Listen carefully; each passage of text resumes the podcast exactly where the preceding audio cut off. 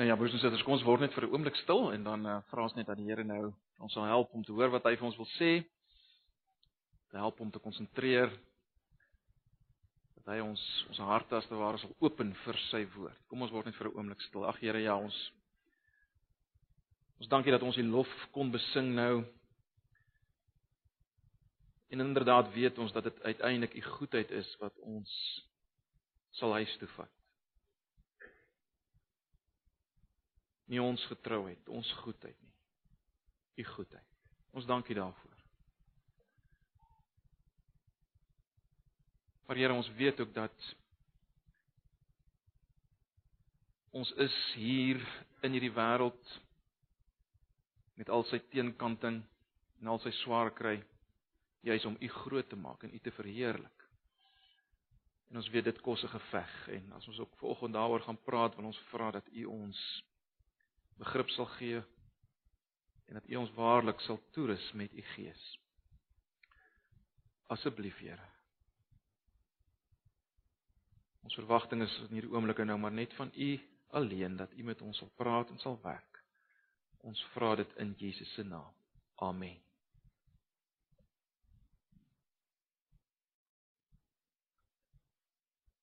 Kom ons blaai so lank vanoggend na 1 Timoteus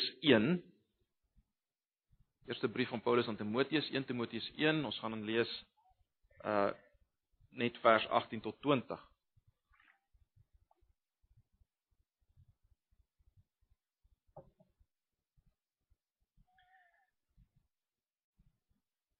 Kan maar net so lank die plek kry.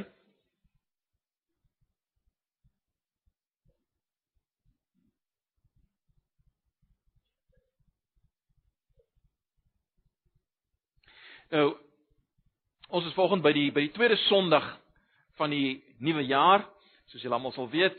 En ehm um, ek het dit goed gedink om om steeds saam met julle te besin, saam met julle te dink as jy wil oor die jaar wat voorlê.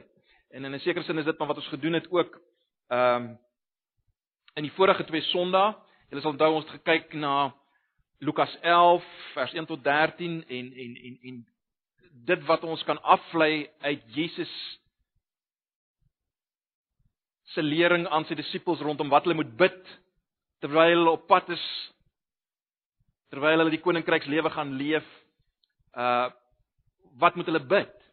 Uh ons kon sekere dinge daai uit aflei. Verlede sonderdag het ons gekyk na Johannes 16 uh en spesifiek op vers 32 gefokus waar Jesus sê in die wêreld gaan julle dit moeilik hê maar ek het die wêreld oorwin. En weer eens, dis 'n boodskap wat baie vir ons te sê het want ons leef in dieselfde tyd uh waarna Jesus verwys het, naamlik na sy kruis en opstanding. En dan oor wat ons gesien het in die vorige twee Sondae is dat ons kan verwag, ons kan verseker weet dat in die nuwe jaar gaan daar moeilike tye wees. Daar gaan fisiese moeilike tye wees. Daar gaan sonde wees. Daar gaan versoeking wees, aanvalle van die bose wees. Maar natuurlik het ons die versekering gekry dat Jesus het reeds die wêreld oorwin. So op die eind van die dag uh sal ons nie ten gronde gaan nie. Maar as ons dit sê, is dit baie belangrik om te weet dat binne hierdie situasie en ek meen dit is baie duidelik, binne hierdie situasie word daar van ons ook 'n geveg verwag. Dis baie duidelik en dis baie belangrik om volgende te verstaan. Hoe ons ook al kyk na dit wat ons uh, die afgelope twee Sondae gesê het, uh, die implikasie is dat daar vir ons stryd gaan wees. En volgens wil ek nou hê ons moet 'n bietjie fokus op die vraag, maar wat is die stryd of die geveg in 2018? Of wat gaan dit wees in 2018? Wat is die geveg? Wat gaan dit wees in 2018? En hoe moet ons die hierdie geveg veg in 2018? So wat is die geveg en hoe moet ons die geveg veg? So kom ons lees net nou saam 1 Timoteus 1 vanaf vers 18. Ek lees maar die die 53 vertaling, maar uh dis nou een van daai gedeeltes waar daar regtig eintlik nie verskil is nie, so 'n bietjie die die konstruksie van die sinne is 'n bietjie anders, maar uh, daar's geen verandering regtig ook in die woorde nie. 1 Timoteus 1 vers 18. Hierdie boodskap vertrou ek aan jou toe, my kind Timoteus, ooreenkomstig die prof, pro, uh, profeseë wat vroeër aangaande jou uitgespreek is, sodat jy daardeur die goeie stryd kan stry. en aan die geloof en 'n goeie gewete vashou. Sommige het dit van hulle weggestoot en aan die geloof skibreek gelei. Onder wie daar is Himneus en Alexander wat ek aan die Satan oorgegee het sodat hulle kan leer om nie te laster nie.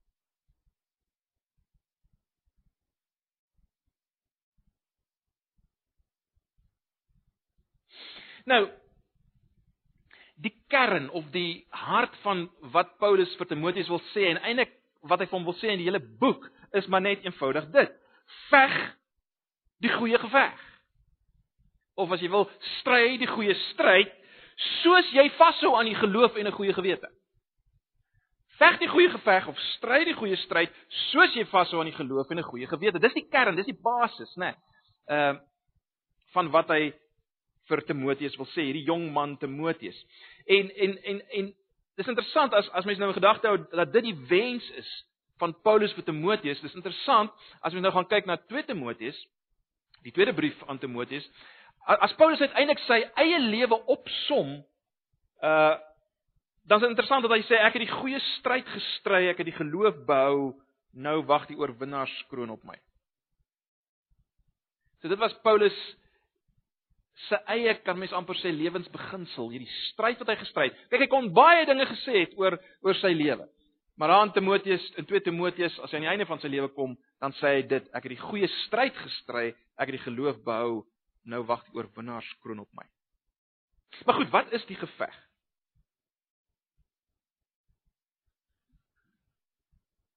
Jy sal oplet, Paulus sê nie vir Timoteus veg 'n goeie stryd of 'n goeie geveg nie, né?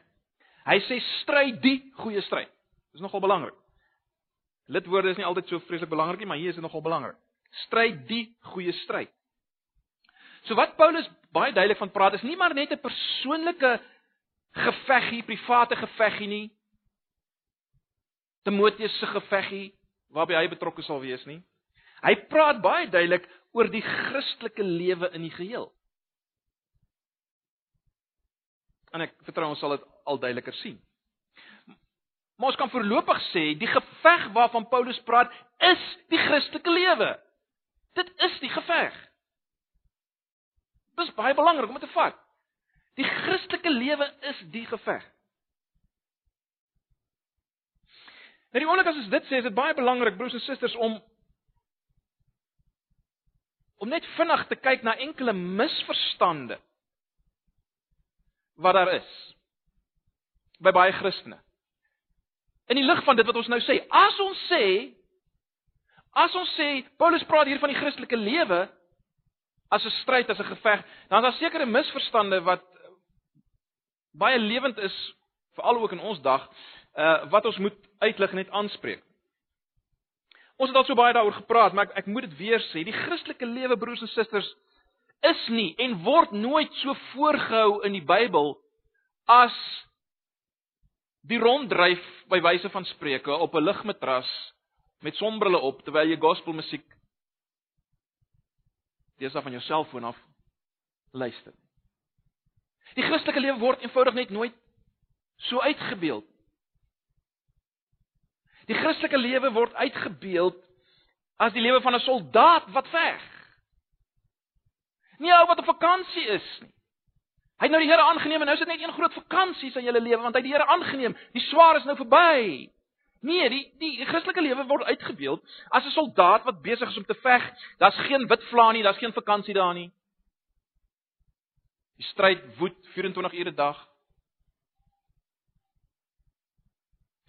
Dis tragies dat dat Christene soms die indruk skep of dat in sekere kringe soms die indruk geskep word dat uh, dat wanneer jy 'n Christen word, dan begin God as te ware vir jou werk en jou dinge begin uitwerk. Jou dinge val in plek.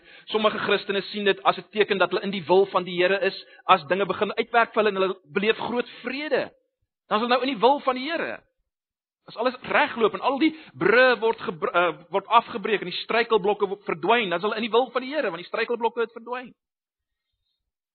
Nou broers en susters, as dit 'n teken is dat jy in die wil van die Here is, dan was Paulus nooit in die wil van die Here nie. Want sy struikelblokke het al meer geword. Hy het al meer teenkanting gekry. Dit het al swaarder gegaan.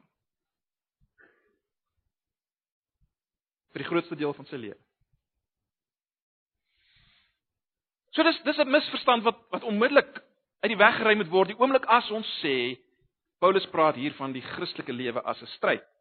Maar behalwe daarvoor, uh moet ons sê dat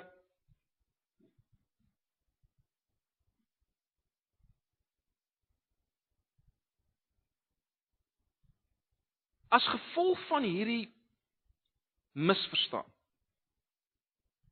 of kom ek sê so 'n simptoom van hierdie misverstaan van die Christelike lewe is 'n soort van 'n skizofrenie wat by baie Christene bestaan.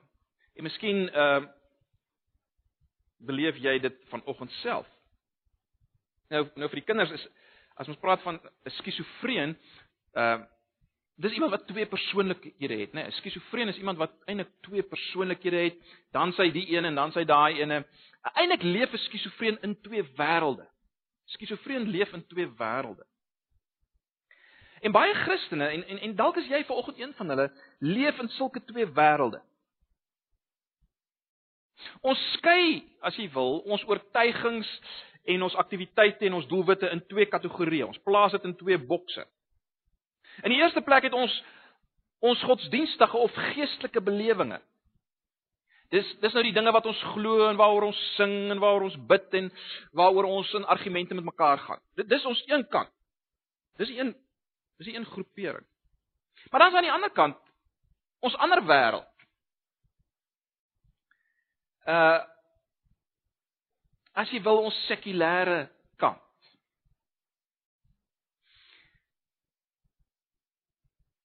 waar dit gaan oor dinge soos die manier waarop ons ons vrye tyd bestee, ons pogings om mense te beïndruk, ons houding teenoor ons kollegas, hoe ons geld kry en hoe ons dit hanteer en al daai dinge.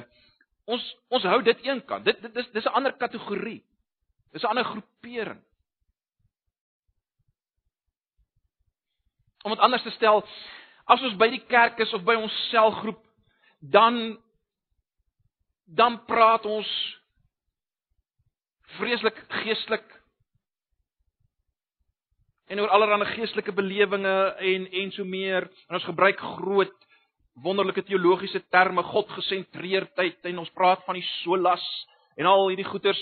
Uh maar maar dit het dit het eintlik geen plek in die res van ons lewens nie. Buite kom ek sê buite hierdie groepering buite die kerkbyeenkomste of die selgroep byeenkomste het hierdie dinge waarvan ons so mooi praat daar uiteindelik nie regtig kry nie aandag nie. Kry nie blootstelling. So die punt is, ons kan nou baie lank hieroor praat. Die punt is, ons hou hierdie twee wêrelde baie streng uitmekaar uit. En ons ons ek dink ons is almal vaagweg bewus iets is verkeerd. Uh Maar ek dink ons besef almal dat ons ly eintlik aan 'n verskriklike skizofrenie nie. En broers en susters, 'n mens ontwikkel as jy wil hierdie skizofrenie as jy nie die Christelike lewe sien as 'n stryd nie.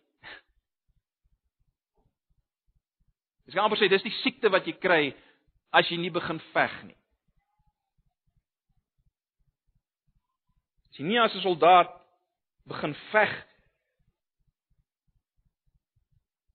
in hierdie geveg van die Christelike lewe nie, dan dan begin jy hierdie siekte toestand optel is skizofrenie. Want jy sien, as jy hierdie hierdie goed pragtig skei, hierdie twee kategorieë, dan jy nooit nodig om te veg nie. Jy het nooit nodig om te veg nie. Maar goed, kom ons kyk net verder, eh, verder na hierdie geveg. Wat is die doel van hierdie geveg? Want as ons dit verstaan, dan uh verstaan ons ook beter wat is die die aard van die geveg. Baie belangrik, die doel van hierdie geveg waarvan Paulus praat is nie net om te oorleef tot aan die einde van my lewe nie. Selfs nie Christene weet ons veg eintlik die geveg as jy dit so wil stel om gesond te bly, om fiks te bly solank as moontlik. Almal is betrokke in daai geveg. Maar Paulus praat baie duidelik oor Christen wees.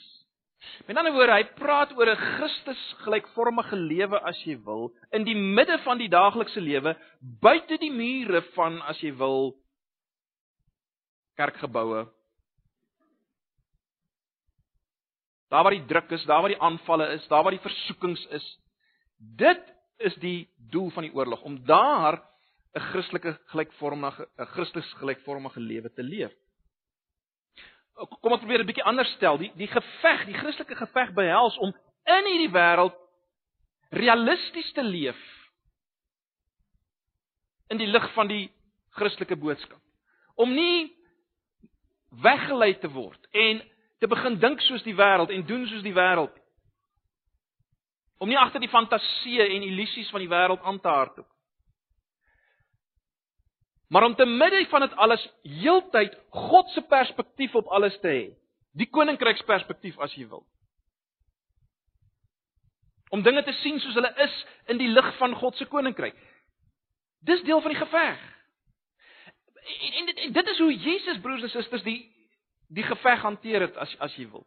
Jesus het geleef te midde van hierdie wêreld. Ons weet dit. Jesus het nie weggekruip eenkant uh in 'n klooster by wyse van spreuke nie. Waar het jy Jesus gevind? Jy het Jesus gevind op die op die markplein om dit so te stel. Jy het Jesus gevind tussen die armstes van armes, tussen by vrouens, by skurke,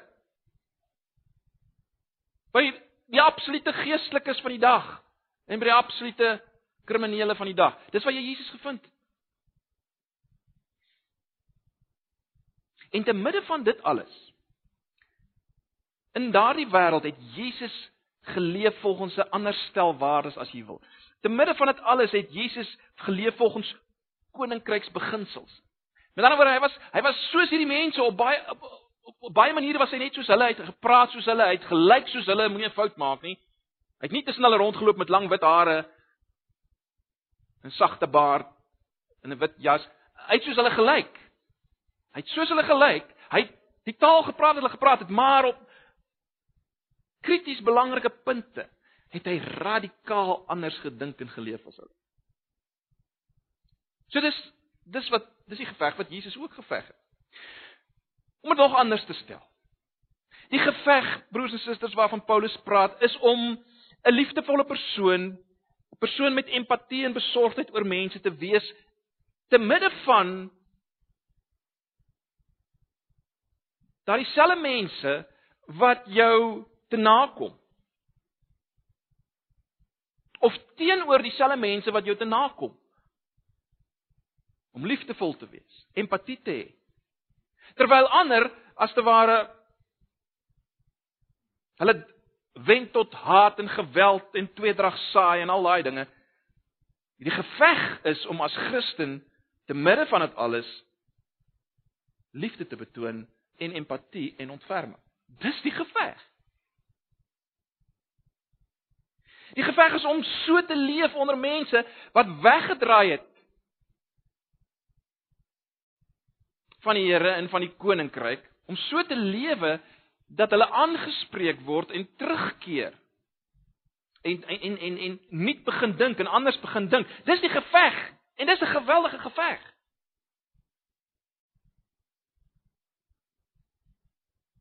Om so te leef. Dis die uitdaging. Maar miskien Miskien vra jy maar Hoekom sê ons dis 'n geveg om so te leef? Hoekom is dit jy's 'n geveg? Hoekom word die term geveg?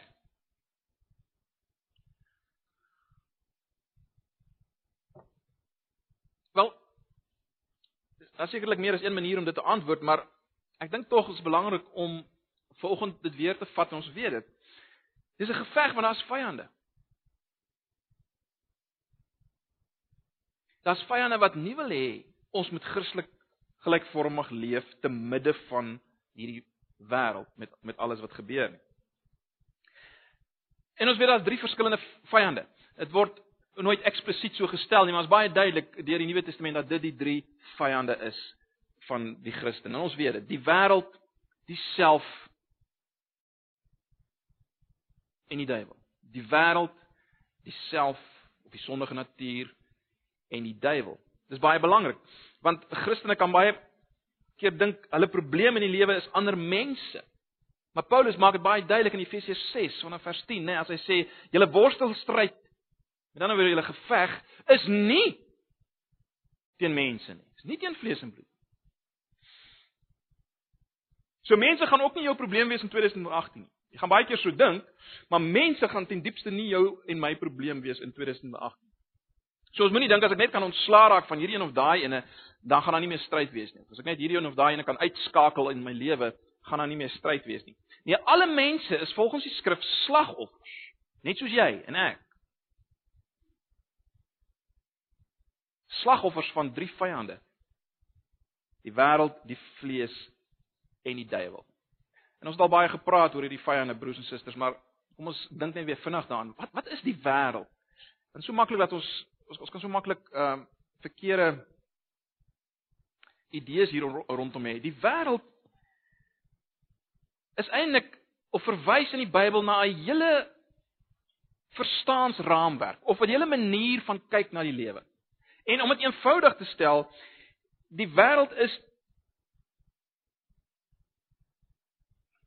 of laat ek so stel, die wêreld kan gedefinieer word as die as die filosofie van geniet net jouself. Geniet net jouself. Jy weet wat die wêreld is dit. So die wêreld is nie net rook, drink, dans en rondslaap. Dis geniet jouself. Maak nie saak wat dit is.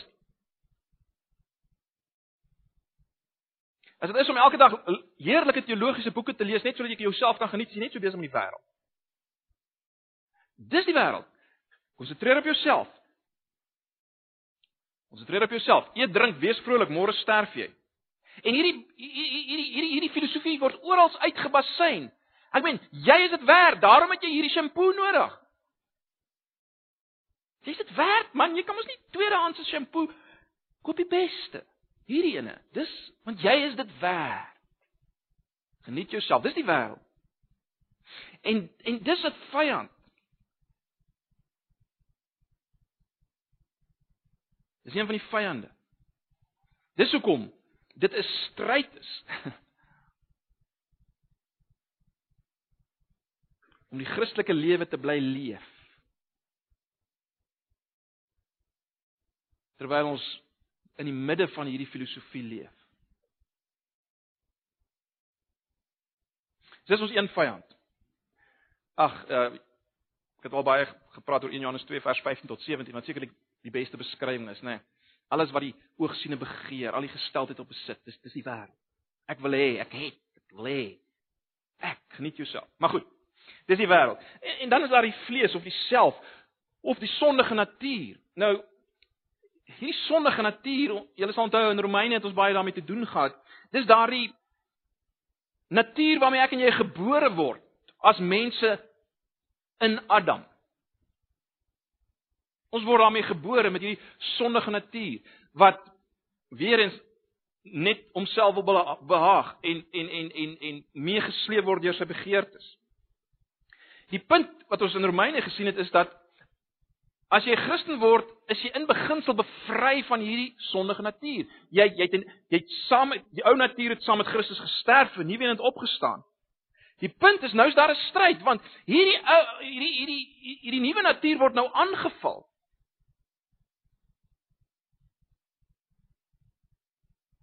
Daar's nou 'n geveg as jy wil teen hierdie ou natuur. Die self, die vlees. Ehm uh, en hierdie natuur is, as jy dit so wil stel, is toegewy, is uitverkoop aan selfsugtigheid. Die liefde vir aandag, die liefde vir gemak en alles wat onwettig en immoreel is. En hierdie self is 'n vyand, die ou sondige natuur. Dit is 'n stryd teen hierdie self. Dis 'n vyand, dis 'n vyand. Ek dink ek het al hierdie ou gedig vir julle gelees wat ek op 'n stadium raak geloop het wat die vlees baie mooi uitbeeld. Dit klink so: I had a little tea party this afternoon at 3. It was very small, three guests in all. Just I, myself and me. It was I who ate the sandwiches and I drank up the tea. It was also I who ate the pie and passed the cake to me. Dis die vlees. Dis die vlees. Dis die vlees. Dis nog 'n vyand. Dan is daar die duiwel. Die duiwel. Die mensemoordenaar, die leienaar, die meestersielkundige wat weet hoe om jou vreesagtig te maak, hoe om jou paniekerig te maak in hierdie nuwe jaar. Let wel. Hy weet hoe om jou vreesagtig te maak en paniekerig te maak en kwaad te maak en te ontmoedig en jou nutteloos te laat voel. As jy enige iets van daai dinge al beleef het, die vuurige pile van die duiwel het waarskynlik jou alreeds getref. Die duiwel is 'n vyand.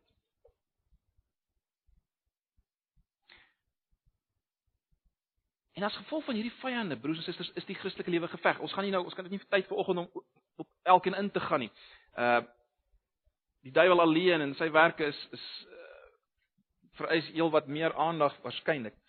Maar vanoggend net wil ek net hê ons moet dit verstaan. Ons het hierdie vyande en daarom is die Christelike lewe geveg. Daarom is die Christelike lewe geveg. Dit is 'n geveg om Jesus gelykvormig te wees, om liefdevol te wees, vergewensgesind te wees in die midde van of te midde van hierdie vyande se aanslag. Te midde van hierdie vyande se aanslag is dit moeilik. Is dit 'n dis hoekom dit 'n geveg is om die Christelike lewe te leef. Maar goed, ons het nou gepraat oor wat is die geveg? Hoe moet ons hierdie geveg stry? Volgens hierdie hierdie uh, uh, drie verse.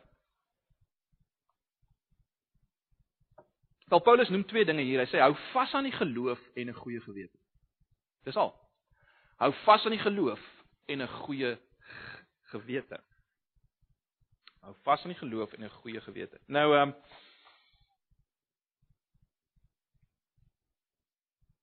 Wat Paulus waarskynlik bedoel as hy sê hou vas aan die geloof Ehm um, As hy hier praat van die geloof weer eens praat hy in die eerste plek van die Christelike lewe as geheel. Uh ons sien dit byvoorbeeld uit die feit dat hy hy sê in vers 19 sommige het dit van hulle weggestoot en aan die geloofskebreek gelei.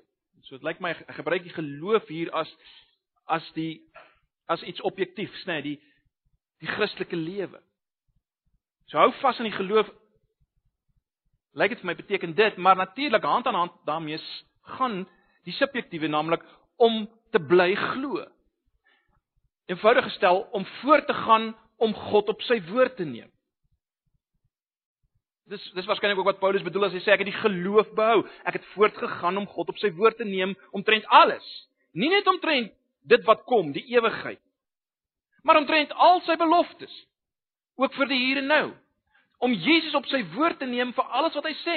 Soek eers die koninkryk van God en die ander dinge sal vir julle bygevoeg word en so meer. Ek neem hom op sy woord. So wat is die uh of laat ek so sê, hoe kan ons hierdie geveg veg? Hoe veg ons hierdie geveg te midde van hierdie vyande? Wel, baie duidelik in die eerste plek om vas te hou aan die geloof. Om die radikale waarheid wat Jesus en die, en die apostels aan ons deurgegee het, te bly aanvaar, om dit te vat om dit te vat as dit is hoe die lewe is. Dis die waarheid omtrent myself. En dis die waarheid omtrent God en wie hy is vir my en wat hy vir my gedoen het. Dis wie ek is in Christus. Ek het 'n nuwe identiteit, al die waarhede van Romeine. Hoe veg ek die geveg om my te herinner daaraan? Ek het opgestaan met ek het opgestaan saam met Christus. Ek hoef nie in te gee aan die te luister na die ou natuur nie. Ek het 'n nuwe identiteit. Ek het die gees van God in my binneste. Ek kan die nuwe lewe leef. God is my Vader, waaroor ons gepraat het uh, in die vorige twee Sondae. So die die die manier hoe ons hierdie geveg veg of stry is aan die eerste kant hou vas aan die geloof. Hou vas aan die Christelike boodskap gaan voort om God te neem op sy woord. Om te aanvaar dit wat hy sê is so. Dis dis wat geloof is, nê? Nee, geloof is om iemand te neem op sy woord. Eenvoudig. Om te aanvaar dit wat hy sê. So dis die een manier. Aan die ander kant is daar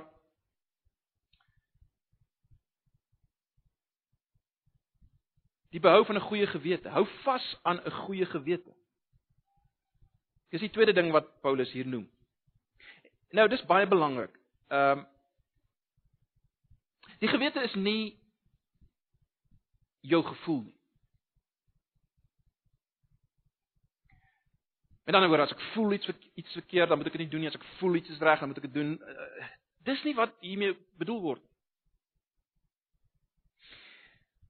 Die gewete, baie interessant, die gewete is is is neutraal.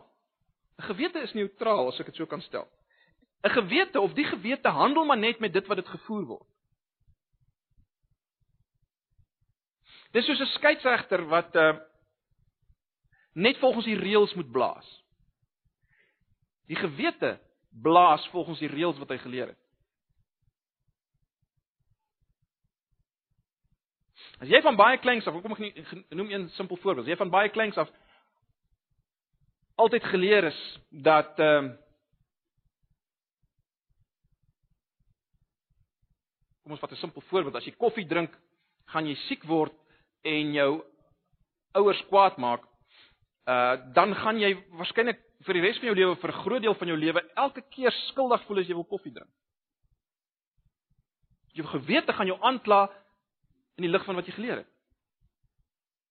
Die gewete, ek sê weer, is neutraal. Die gewete is soos 'n skeieregter wat blaas volgens die reëls. En wat sê dit vir ons? Dit beteken broers en susters dat dit so belangrik is dat ons dat ons die reëls vir ons gewete gee, verskaf.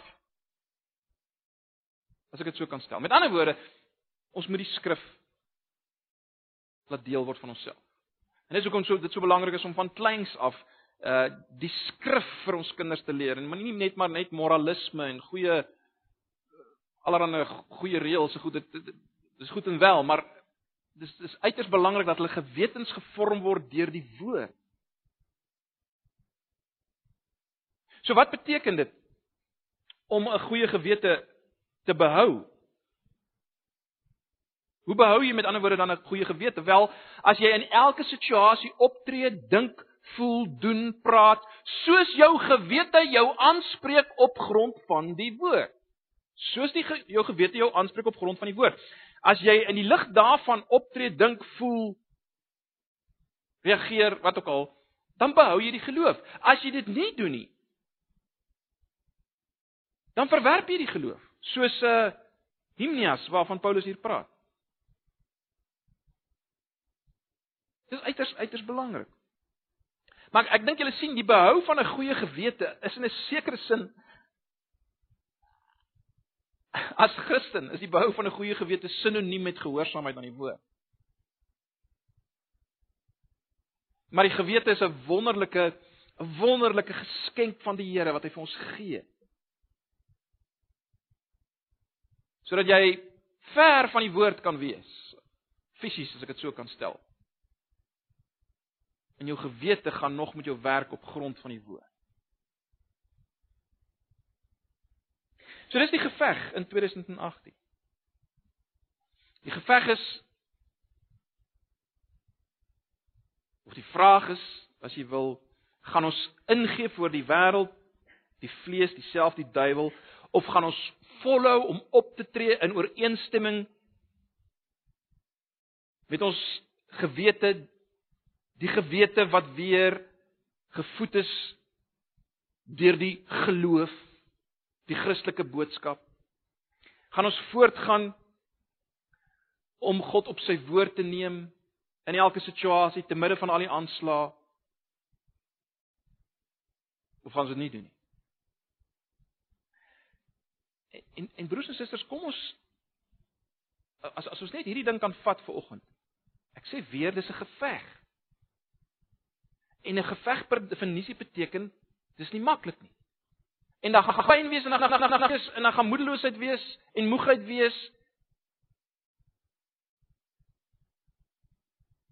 Ek gaan dan gaan tye wees wat jy voel alles lyk verniet, niks maak sin nie. Waar's God en so meer? Dis alles deel van 'n geveg. So kom ons onthou dit in 2008. Ek dink ons ons ons sien vanoggend ons kan nie bekostig om om uh nie besig te wees met sy woord nie. Ons kan nie bekostig om nie toe te laat dat hy ons heeltyd lewend maak deur sy woord sodat ons kan vashou aan die geloof en 'n goeie gewete. So ag broers en susters, dis dis weer eens maar net my my oproep vanoggend. Kom ons stry die stryd van die Christelike lewe. As jy wil, die geloof. Kom ons stry dit in 2018. Waaroor gaan dit ten diepste God se eer weer eens? Is op die spel. Sy naam is op die spel. Elke keer as ek en jy te midde van hierdie lewe die geloof behou en vashou aan 'n goeie gewete, kry God al die eer. En jy word verander na die beeld van Jesus en jy leef nie meer as 'n skizofrenie nie. As 'n skizofrenie. Ag, mag die Here ons daarmee help in hierdie jaar 2018. Kom ons stry die stryd.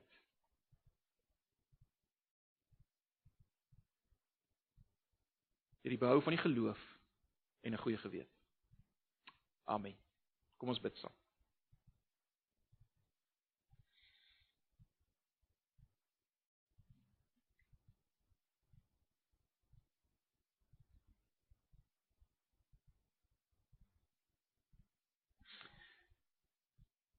Ag Here, baie dankie vir u woord. U ken ons vanoggend.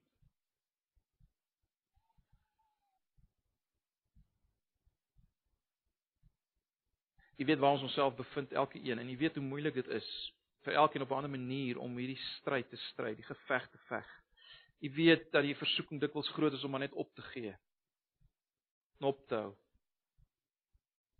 Ag Here, help ons elkeen, elkeen binne ons eie raamwerk met ons eie persoonlikheid. Hierdie unieke dinge wat